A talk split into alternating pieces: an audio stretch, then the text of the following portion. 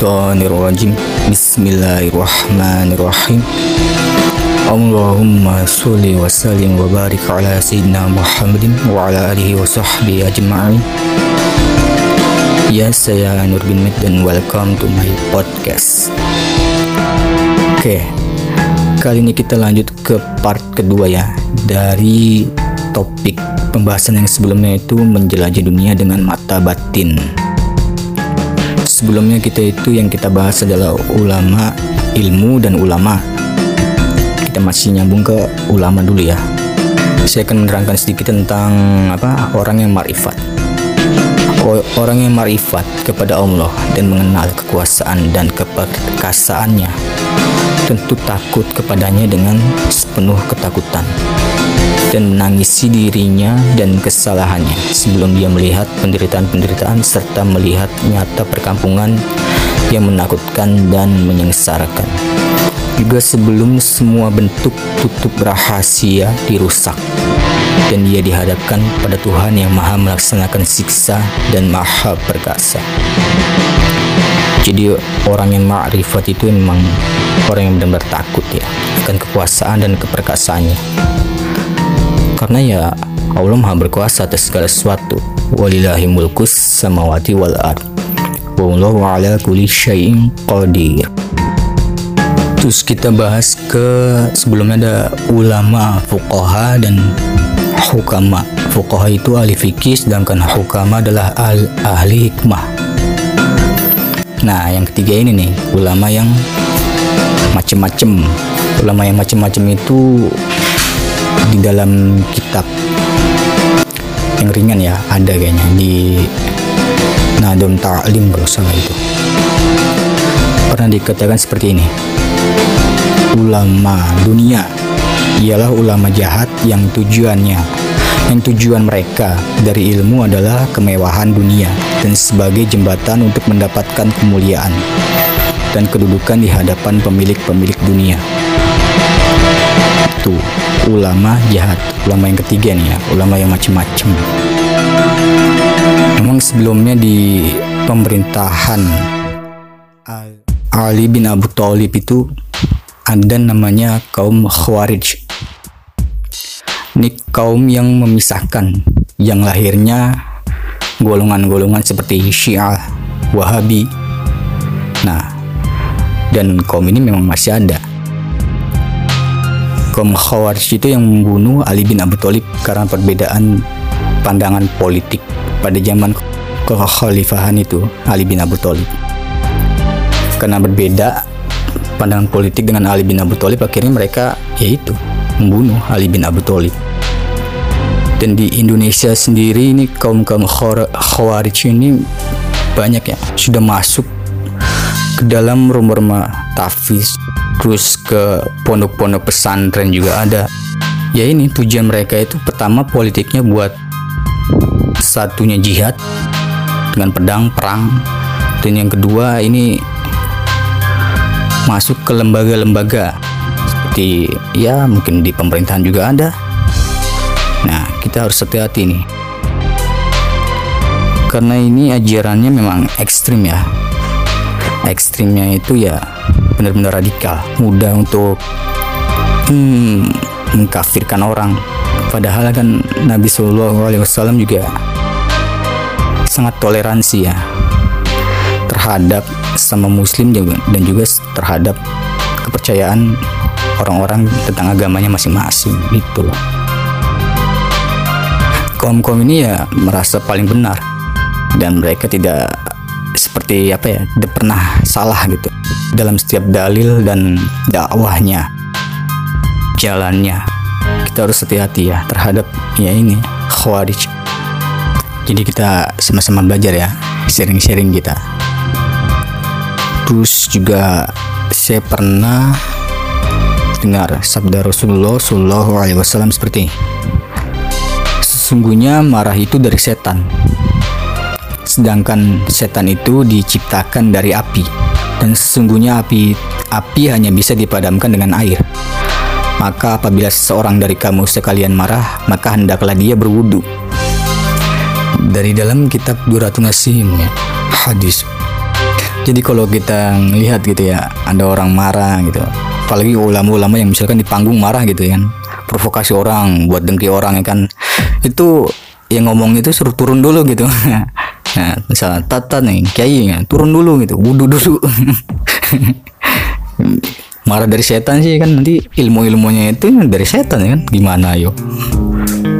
Jadi kalau apabila seorang dari kamu marah padamkan dengan air. Wudhu. Ya sama-sama belajar ya. Nah ini tentang diam dan bicara ya. Jadi ada juga sabda Nabi Rasulullah Shallallahu Alaihi Wasallam pernah bersabda seperti ini nih. Ishta'inu ala qasail hawaiji bil kitmani fa inna kullazi ni'matin masudun Hadis dari dalam kitab Turatun Nasihin. Jadikanlah diam sebagai penolongmu dalam menunaikan keperluan-keperluan. Karena setiap orang yang memperoleh nikmat itu didengki. Setiap orang memperoleh nikmat itu didengki. Jadi ya kita diem aja. Nah, diem baik. Sultan Yusuf Hamdani juga mengutip ya ini dari perkataan Sultan Yusuf Hamdani telah mengatakan seperti ini. Tinggalkan dan jangan kamu balas kejelekan yang dilakukan seseorang biar orang tersebut merasa puas terhadap apa yang dilakukannya. Jika kamu menginginkan musuhmu jatuh hina, mati sengsara, dan terbakar derita, wih luar biasa ini. Maka raihlah kemuliaan dan kejarlah ilmu. mengejar ilmu berarti. Karena sesungguhnya orang yang ilmunya bertambah bisa membuat musuhnya hina dan dalam tekanan derita. Uh, menderita dia. banyak ilmu khususnya ilmu agama ya ilmu yang mendekatkan kita kepada Allah itu ilmu yang bermanfaat. Karena ilmu itu itu juga terbagi menjadi dua ya. Pertama nah terbagi menjadi dua nanti terbagi lagi. Nah, cabang. Yang pertama itu ilmu pada lisan. Ilmu pada lisan itu adalah hujah. Hujah Allah atas makhluknya. Hujah itu artinya bukti. Bukti Allah atas makhluknya. Yang kedua itu ilmu pada hati. Nah, ini ilmu yang bermanfaat. Yang menghidupkan hati dengan amalan-amalan sesuai dengan syariat. Nanti ada lagi tingkatannya ketoriko, hakikat, makrifat. Nah, seperti itu ya. Masih mengutip perkataan Sultan Yusuf Hamdani ya. Aku, maksudnya aku ini Allah ya. Allah memberikan cobaan pada manusia secara terus-menerus dan aku, nah akunya ini dalam kurung Allah ya, tidak melihat itu terjadi kecuali pada orang yang pandai menipu dan banyak bicara. No. Jadi Allah memberikan cobaan pada manusia secara terus-menerus dan tidak melihat itu terjadi kecuali pada orang yang pandai menipu dan banyak bicara. Jadi cobaan itu datang pada orang yang banyak eh, apa pandai menipu dan banyak bicara. Nah cobaan itu terus menerus datang tuh ke orang itu tuh, wah luar biasa. Tapi nanti ada ya di bab sabar bagaimana mengenai cobaan itu kita menghadapinya dengan sabar itu ada di bab sabar. Terus yang terakhir mengutip dari perkataan Sultan Yusuf Hamdan ini eh, tidak pernah aku melihat masalah yang sangat menyusahkan dan menyengsarakan selain permusuhan di antara manusia. Nah, emang iya. Paling menyusahkan permusuhan di antara manusia perang. Nah, kita juga sebenarnya nggak boleh dengki orang ya sama muslim. Terhadap non muslim juga kita harus toleransi. Menjaga perkataan kita, perbuatan. Ya lebih baik ya seperti tadi, diam aja. Nah, seperti pernah diriwayatkan ini dalam soal mendengki ya dari siapa? Abu Hurairah radhiyallahu anhu dari Nabi Shallallahu alaihi wasallam. Beliau bersabda, "Iyyakum wal hasada fa innal hasada ya'kulul hasana kama ta'kulun narul hatoba wal ushba." Hadis dari dalam kitab uh, Duratun Nasihin yang artinya itu hindarilah olehmu sekalian dengki karena dengki itu memakan kebaikan-kebaikan sebagaimana api memakan kayu bakar dan rumput. Nah, seperti itu. Jadi, hindarilah olehmu sekalian dengki, karena dengki itu memakan kebaikan-kebaikan. Sebagaimana api memakan kayu bakar dan rumput. Atau mengakibatkan ia menjadi kafir. Nah, jangan jadi jangan dengki orang ya. Dengki orang kebanyakan nanti jadinya bisa-bisa ya kafir. Gibahin orang, gak seneng sama perbuatan orang. Nah, ini nanti jadinya dari munafik. Munafik nanti jadi kafir kan? Sholat ditinggalin ditinggalin. Rasa paling bener lagi ya. Udah repot dah. Dikatakan seperti ini soalnya uh, pendengki itu diliputi keletihan dan kesusahan tanpa guna bahkan disertai dengan dosa dan kemaksiatan. Ibnu Samak pernah berkata juga seperti ini Aku tak pernah melihat orang yang aniaya yang lebih mirip dengan orang yang teraniaya. Lucu nih. Orang menganiaya tapi lebih mirip terlihat seperti orang yang teraniaya. Nah, selain pendengki. Nah, iya, terus-terusan letih, akal bingung dan kesusahan-kesusahan yang tak ada habis-habisnya. Nah, ini pendengki itu ya iya. Orang yang menganiaya seperti orang yang teraniaya. Terus terusan dengki sih soalnya. Letih bingung nah itu kesusahan kesusahan yang tidak ada habis habisnya nah itu karena dengki orang sih. Memang jangan dengki orang kan. Apalagi sama muslim udah itu balasannya seperti itu ya. Duh dikatakan pula ya buta hati ya sehingga hampir tidak paham satu hukum pun di antara hukum-hukum Allah Subhanahu wa taala. Kalau udah buta hati dengki ini ya udah. Diomongin jangan gini ya kan. Ngeyel. Menurut dirinya sendiri paling benar udah ngeyel. Jadi nggak paham hukum-hukum Allah. Orang ngomong apa juga nggak bakal masuk ke hatinya. Mungkin ya masuk cuma sampai tenggorokan nyampe hati gitu Mengutip juga dari perkataan Sufyan, janganlah kamu menjadi pendengki, niscaya kamu cepat paham. Jadi kita kalau mau cepat paham tentang urusan agama itu jangan suka dengki orang. Orang punya harta kemewahan apa ya, ya biarin haknya dia, rezekinya dia. Ngapain iri, ngapain dengki kan? Nah itu, jadinya kita nanti dapat pemahaman. Terbukalah hijab-hijab yang menghalangi kita dari pemahaman tentang hukum Allah jadinya nanti masuknya ke hati itu sabar seperti itulah hikmah-hikmahnya dari mengutip lagi dari Ibnu Abbas radhiyallahu an. Dari Nabi Shallallahu Alaihi Wasallam bahwa beliau pernah bersabda seperti ini. Sitatun yadakhuluna naro bisitatin al umaru bil juri wal a'rabu bita'asubi wa ahlur rustaqi bil jahli waladal haqinu bil kibri wa tujaru bil khiyanati wal ulama'u bil hasadi. Ada enam golongan yang bakal masuk neraka karena enam perkara. Para pemimpin negara karena kesewenangan orang-orang badui Badui itu orang-orang Badui Arab ya karena fanatik kesukaan.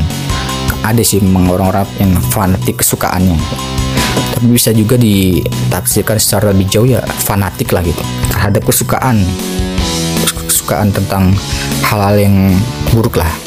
Orang-orang bisa karena kebodohan. Nah, karena nggak mau belajar mungkin ya.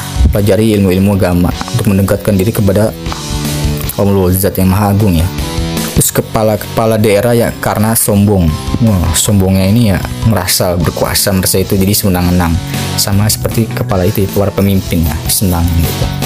Karena sombong nah luar biasa ini. Terus para pedagang karena berkhianat. Jadi tidak dapat percaya ya. Ngeri nih golongan. Dan para ulama karena dengki. Wah ulama karena dengki. Ulama juga masuk golongan ini. Enam golongan yang bakal masuk neraka karena enam perkara. Wah. jadi ulama dengki ulama. Ada itu di Indonesia ya satu daerah memang ulama sama ulama itu gimana ya? Jadi ulama ini nih misalnya bangun pondok pesantren. Ini ulama yang nggak suka ini nyerang gitu nyerang goib. Nah, ada itu kisah-kisah nyata ya. Benar-benar diserang itu ustadznya itu yang bangun pondok pesantren itu serangan goib lagi kan? Wah dar dar dar dar. Tiap malam serang pondoknya. Luar biasa ya. Ini ya ini masuk golongan ini mungkin ya. Para ulama karena dengki nah. Ustadz sama ustadz berantem nih. Goib. Kacau. Nah pesan yang ya mudah-mudahan bermanfaat ya. Itu dari Nabi Khidir datangnya dari Nabi Khidir. Ketika menginginkan berpisah dengan Nabi Musa alaihissalam. Nabi Musa berkata kepada Nabi Khidir berilah nasihat kepadaku. Nabi Khidir menjawab berhati-hatilah terhadap sombong dalam berbantah. Janganlah engkau berjalan dengan tanpa kebutuhan. Janganlah tertawa dengan tanpa hal yang menakjubkan, menakjubkan. Janganlah mencela orang-orang yang bersalah dengan kesalahan mereka dan menangislah atas kesalahan dirimu sendiri. Wah, sufi ya dalam ya, kesyafatul qulub. Ya, ilmu terus khawarid apa ulama ya tentang ulama. Nah, terus juga masalah tirakat-tirakat ya dari terakat-terakat itu kita juga harus benar-benar ada sanatnya kecuali solawat solawat itu memang dari nabi eh, kadang memang ada dari terakat-terakat itu ada godaan-godaan yang datang ya. Kabar-kabar goib yang memang uh, datangnya tidak jelas. Kita harus tahu di situ ya kan membedakan yang mana yang mana datangnya dari malaikat dan, dan yang mana datangnya dari jin. Kalau yang datangnya dari malaikat itu kabar-kabarnya itu menuju kepada kebaikan. Ada larangan-larangan menuju kepada kebaikan kalau datangnya dari jin itu nanti yang ada menyesatkan. Jadi kita harus bisa membedakan mana kabar goib yang datang dari malaikat dan mana kabar goib yang datang dari jin. Seperti perjalanan Syekh Abdul Qadir Jilani ya. Waktu itu beliau pernah uh, melihat suatu cahaya di atas awan. Nah cahaya ini mengaku sebagai Allah Tuhan ya mengaku sebagai Allah terus uh, cahaya ini berkata kepada Syekh Abdul Qadir Jilani radhiyallahu Hai Abdul Qadir, aku halalkan apa yang telah aku haramkan. Lalu Syabdul Qadir ini langsung mengucap seperti ini ya. A'udzubillahi. Seketika itu cahaya itu hilang lalu menjadi asap. Datang lagi kabar kabar goib nih ya. Selamatlah kamu Abdul Qadir dari godaanku. Bagaimana engkau tahu bahwa bahwa itu bukan aku? Lalu Syabdul Qadir menjawab seperti ini aku tahu karena apa uh, Allah tidak pernah menghalalkan apa yang dia telah harapkan. Nah itu, jadi hati-hati ya. Kadang banyak orang tirakat itu nanti karena apa ya? Keinginan hatinya itu hanya untuk tujuan yang fana ya. Jadinya nanti banyak yang tersesat seperti melakukan kemaksiatan-kemaksiatan ya. Jadinya nanti ya tersesat gitu seperti ada kisah orang yang banyak tirakat terus akhirnya menghina seorang lalu jatuhlah dia derajatnya dan ilmu-ilmunya itu pindah kemuliaannya itu pindah pernah ada kisah yang dari datang dari seorang ulama ya. Ini orang ulama ini sangat luar biasa ibadahnya ilmunya. Lalu datang seorang pelacur kepada ini ulama ini. Ini pelacurnya ini nanya ke ulama ini. Misalnya kiai gitu misalnya ya misalnya kiai ini apakah Allah akan memaafkan saya dengan dosa-dosa saya? Ini kiai ini songong sok tahu gitu emang apa dosa apa dosa-dosa yang telah kamu berbuat ya kan? Saya adalah seorang pelacur nah, ngomong begitu nih pelacur kan? Lalu kiainya ngomong gini Allah tidak akan pernah memaafkanmu. Pindah itu yang tadinya ini kiai sakti ya kan? Banyak ilmu ya kan? Luar biasa lah pokoknya ya. Yang tadinya hujan gak kehujanan panas gak kepanasan ya kan? Pindah ini ke pelacur ya kan? Konyol ya. Karena so so banget ya, berkata seperti itu. Juga ada pernah nih seorang ulama yang uh, apa luar biasa luar biasa lah keilmuannya ya.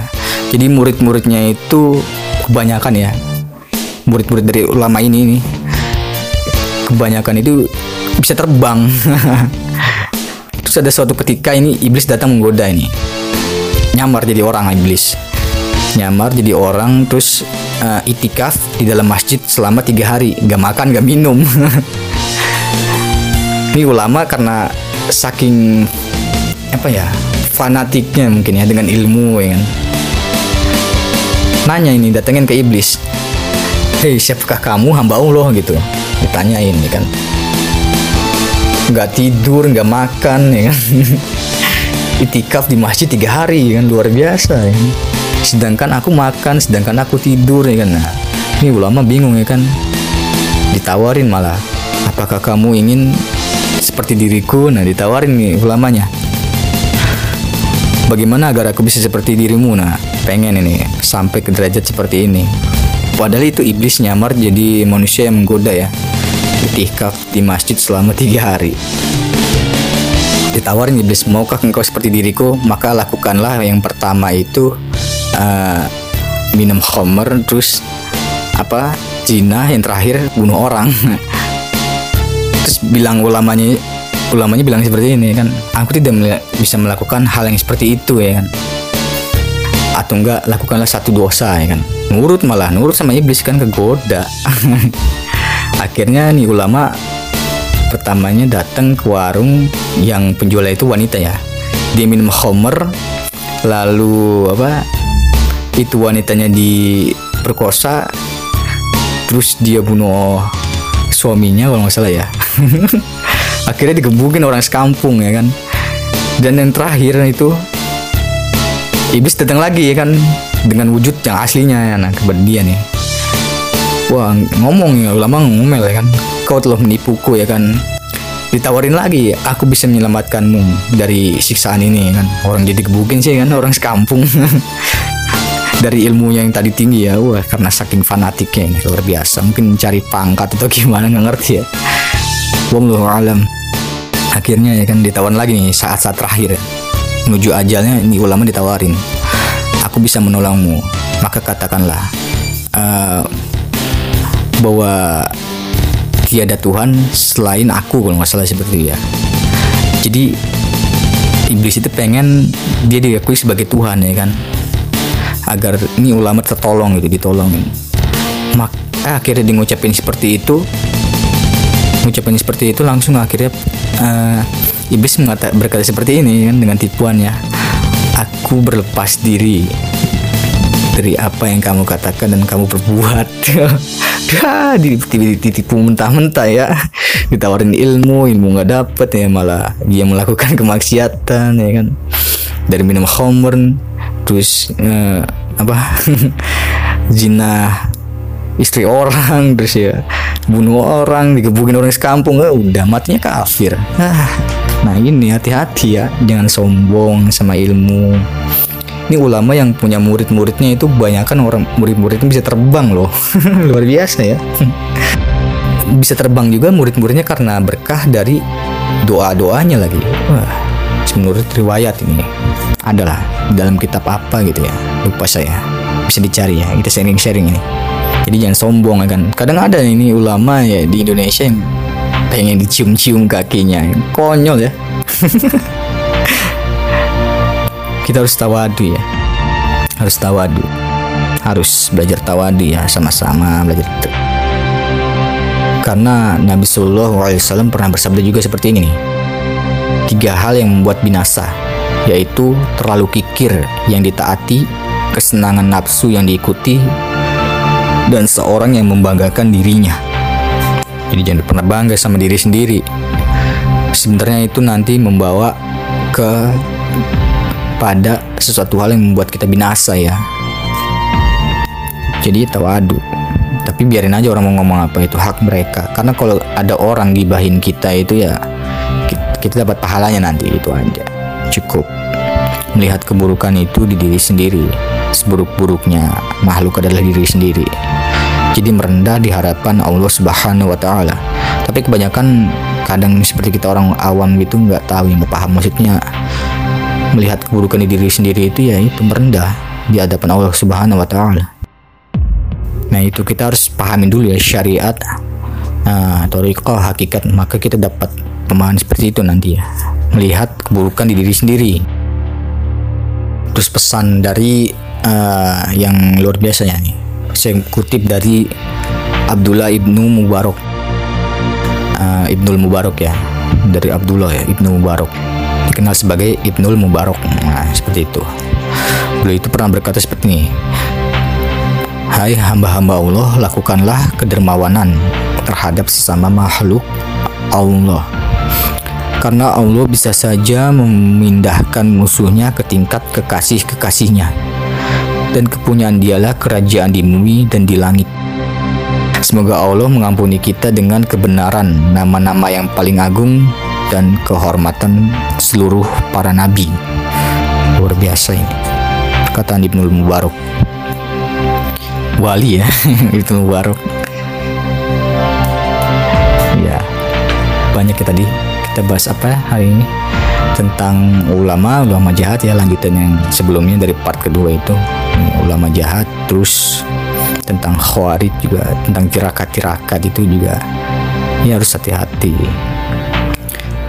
Tentang membedakan nanti kan soalnya ada sih kita akan merasa seperti itu merasa sesuatu yang memang nggak pernah dirasakan. Nikmat lah. Datang juga bisikan-bisikannya itu kita harus bisa bedain ya kita harus tahu lah sebelum melakukan yang amalan itu jangan sampai nanti yang datang setan ya kan kita tergoda gitu. Seperti kisah-kisah yang tadi ya. Saya jelaskan saya terangkan. Kita sharing-sharing gitulah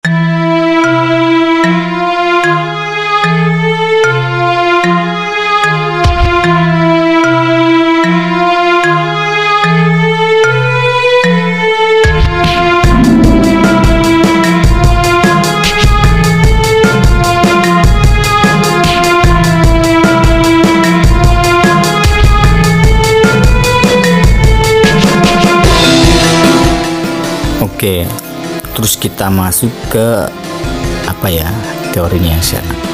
Sabar ya, sedikit pemahaman penjelasan lah tentang sabar. Pemahaman itu yang beri ya Gusti Allah ya, bukan manusia ya. Karena manusia itu untuk menjadikan seorang paham itu ya tanpa izin Allah ya nggak nggak akan bisa gitu. Untuk menjadikan orang beriman itu juga nggak akan bisa dengan perkataannya, dengan perbuatannya. Karena menjadikan seorang beriman itu dengan izin Allah gitu. Karena juga makhluk ini hamba Allah ini juga pengen gitu menginginkan perubahan dalam dirinya. Jadi dia ya insya Allah ya mendapat pertolongan karena Allah ya ar-Rahman ar-Rahim ya. Siapa yang mendekat kepadaku maka Allah akan mendekat gitu loh. Seperti itu. Ya sabar. Masalah sabar ini Nabi Shallallahu Alaihi Wasallam itu pernah bersabda seperti ini ya. Inna mu'zomal jazai ma'a a'zomi balai wa inna allaha iza ahabba abadan ibtalahu wa iza subaro ijtabahu wa iza radiya istofahu hadis dari, dari dalam kitab Duratun Nasihin. Yang artinya seperti ini Sesungguhnya pahala yang terbesar itu bersama cobaan yang terbesar. Oh, pahala yang besar itu bersama cobaan yang terbesar. Dan sesungguhnya Allah apabila mencintai seorang hamba, maka Allah akan memberikan cobaan padanya. Dan apabila hamba itu sabar, maka dipilihnya. Dan apabila hamba itu rela, maka ia dipilihnya pula. Nah ini dipilihnya dua kali ya, maka dipilihnya. Dipilihnya dalam apa nanti? Ya mungkin nanti diangkat derajatnya, jadi kekasih Allah. Banyak ya, wallahu alam ya, hanya Allah yang tahu. dan tafsir-tafsirnya itu nanti ya bisa kita cari ya sedikit saja seperti itu nanti dipilihnya dipilihnya di apa poinnya seperti itu entah itu dia angkat derajatnya atau dimuliakan kehidupannya. Nah, seperti itu. Terus mengutip juga dari perkataan Ibnul Mubarak. Pernah berkata seperti ini ya beliau. Musibah itu hanya satu. Tetapi apabila orang yang kena musibah menyesalinya maka musibah itu menjadi dua. Pertama adalah musibah itu sendiri dan yang kedua adalah kehilangan hilangnya pahala musibah itu. Padahal pahalanya lebih besar daripada musibah itu sendiri. Woi, dalam ini. Pahalanya lebih besar daripada musibah itu sendiri loh. Jadi jangan sampai kehilangan ya. Menyesal musibah. Oh, seperti itu ya, paham-paham.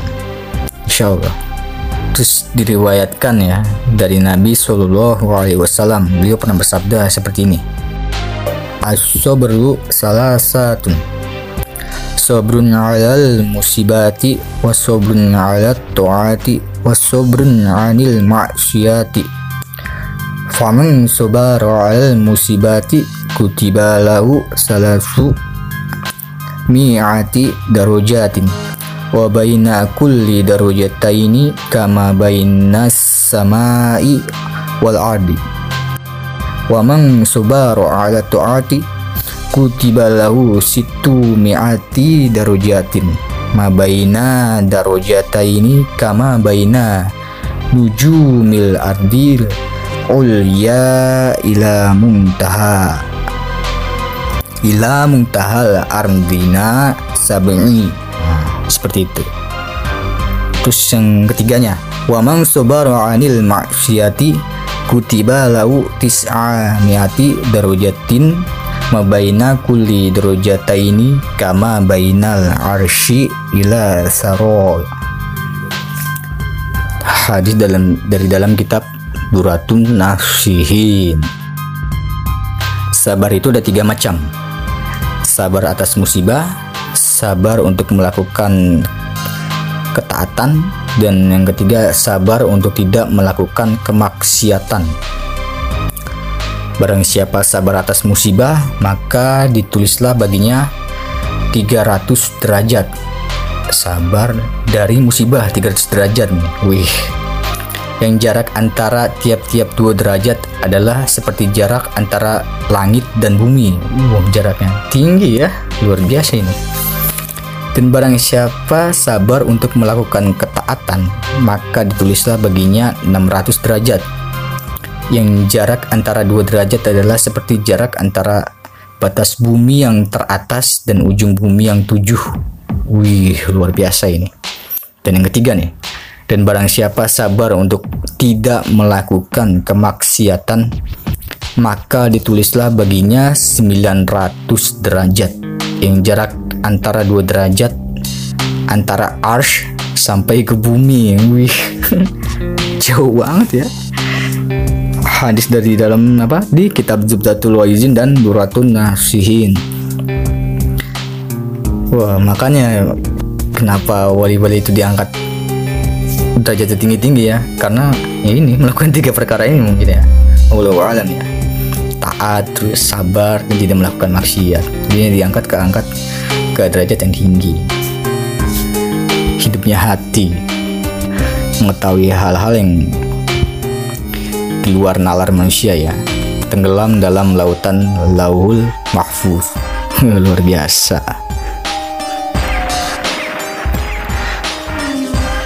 Terus ada lagi juga sabda, sabda Nabi Shallallahu Alaihi Wasallam seperti ini.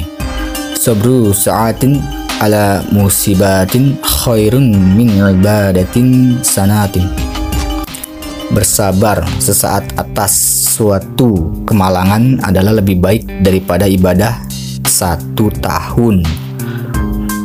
Hmm, bersabar sesaat atas suatu kemalangan adalah lebih baik daripada ibadah satu tahun. Maksudnya jangan kita tinggalin ibadah ya maksudnya lebih baik ya sabar kita sabar itu membawa kita pada derajat yang tadi. Nah itu lebih baik. Makanya dikatakan lebih baik daripada satu tahun karena membawa kita pada derajat yang itu tadi ya. Sabar dari kemalangan dari musibah. Itu berapa tadi derajatnya? 300 derajat. Nah itu. Makanya dikatakan lebih baik daripada ibadah satu tahun nah seperti itu. Pokoknya kita ninggalin ibadah terus sabar aja gitu. Kayak gitu ya kan? Lucu. Luar biasa ya. Terus yang terakhir ya. Saya kutip nih dari Syihah dari kitab Syihabuddin dan Duratul Nasihin ya. Sebagian ulama pernah mengatakan seperti ini. Maksud istiqomah ialah pengambilan sumpah di dalam arwah. Wih luar biasa nih. Ialah pengambilan sumpah di dalam arwah. Yes ya karena jasad itu ya dunia ya. Sedangkan sukma itu ya dari langit ya. Sukma itu kita sukma itu kita dari langit. Jadi pengambilan sumpah. Sebelum kita diturunkan dimasukkan ke dalam jasad ini ya kita emang disumpah ya. Cuma emang kita untuk mengingatnya kembali kita harus ya itu belajar mengingatnya kembali. Nah ini maksud istiqomah ialah pengambilan sumpah di dalam arwah Sementara ada pula yang mengatakan istiqomah itu terjadi secara lahir dan batin. Bagi orang kebanyakan atau orang awam, istiqomah itu terjadi secara lahir dan batin. Jadi lahiriah dan batiniah. Oh. Bagi orang kebanyakan bagi orang awam. Jadi istiqomahnya itu ya ibadah secara lahiriah seperti sholat, yang zakat, ya. rukun Islam ya, rukun iman gitu secara batinnya itu ya kan menghindari suatu hal yang dari dalam hati itu yang yang buruk ya. Kedengkian hasut ya. Hasutnya dengki ya sama. Terus apa eh, iri gitu. Hal-hal yang nanti dapat dapat merusak hati itu sendiri. Karena hati juga merupakan organ vital. Hatinya beres semuanya beres. Kalau hatinya nggak beres ya udah nggak beres semuanya. Dalamnya itu lagi lebih dalamnya itu belajar lagi ya kalau ulama, ulama sufi. Kita di sini sharing-sharing aja ya sharing. Istiqomah secara lahir lahiriah ialah patuh terhadap semua perintah-perintah Allah dan menjauhi segala larangan. Nah seperti tadi ya. Sesuai dengan syariat hukum dan syarat. Sedangkan istiqomah secara batin ialah iman dan membenarkan iman dan membenarkan. Perkataannya sedikit cuma artinya dal- dalam ini banyak ya iman dan membenarkan bab imam itu ya iman. Bab iman itu juga dalam ya. Banyak kalau dibahas itu ya. Satu kitab mungkin gak selesai. Karena ilmu yang satu akan mengarah kepada ilmu yang lainnya gitu loh. Iman iman dan benar. Bab iman ada. Terus dengan benar jujur juga ada. Terus adapun bagi orang-orang khusus istimewa khawas istiqomah secara lahir menghindari dunia. Istiqomah secara lahir lahirianya itu dia jasadnya itu menghindari dunia ya. Dan meninggalkan perhiasannya maupun keinginan-keinginan terhadapnya. Ini untuk orang-orang yang khusus ya yang mungkin sudah di toriko hakikat ya. Menuju kepada marifatnya ini ya. Orang-orang khusus itu itu menghindari dunia dan meninggalkan perhiasannya maupun keinginan-keinginan terhadapnya sedangkan istiqomah secara batin ialah dengan tidak menginginkan kenikmatan surga. Wih luar biasa.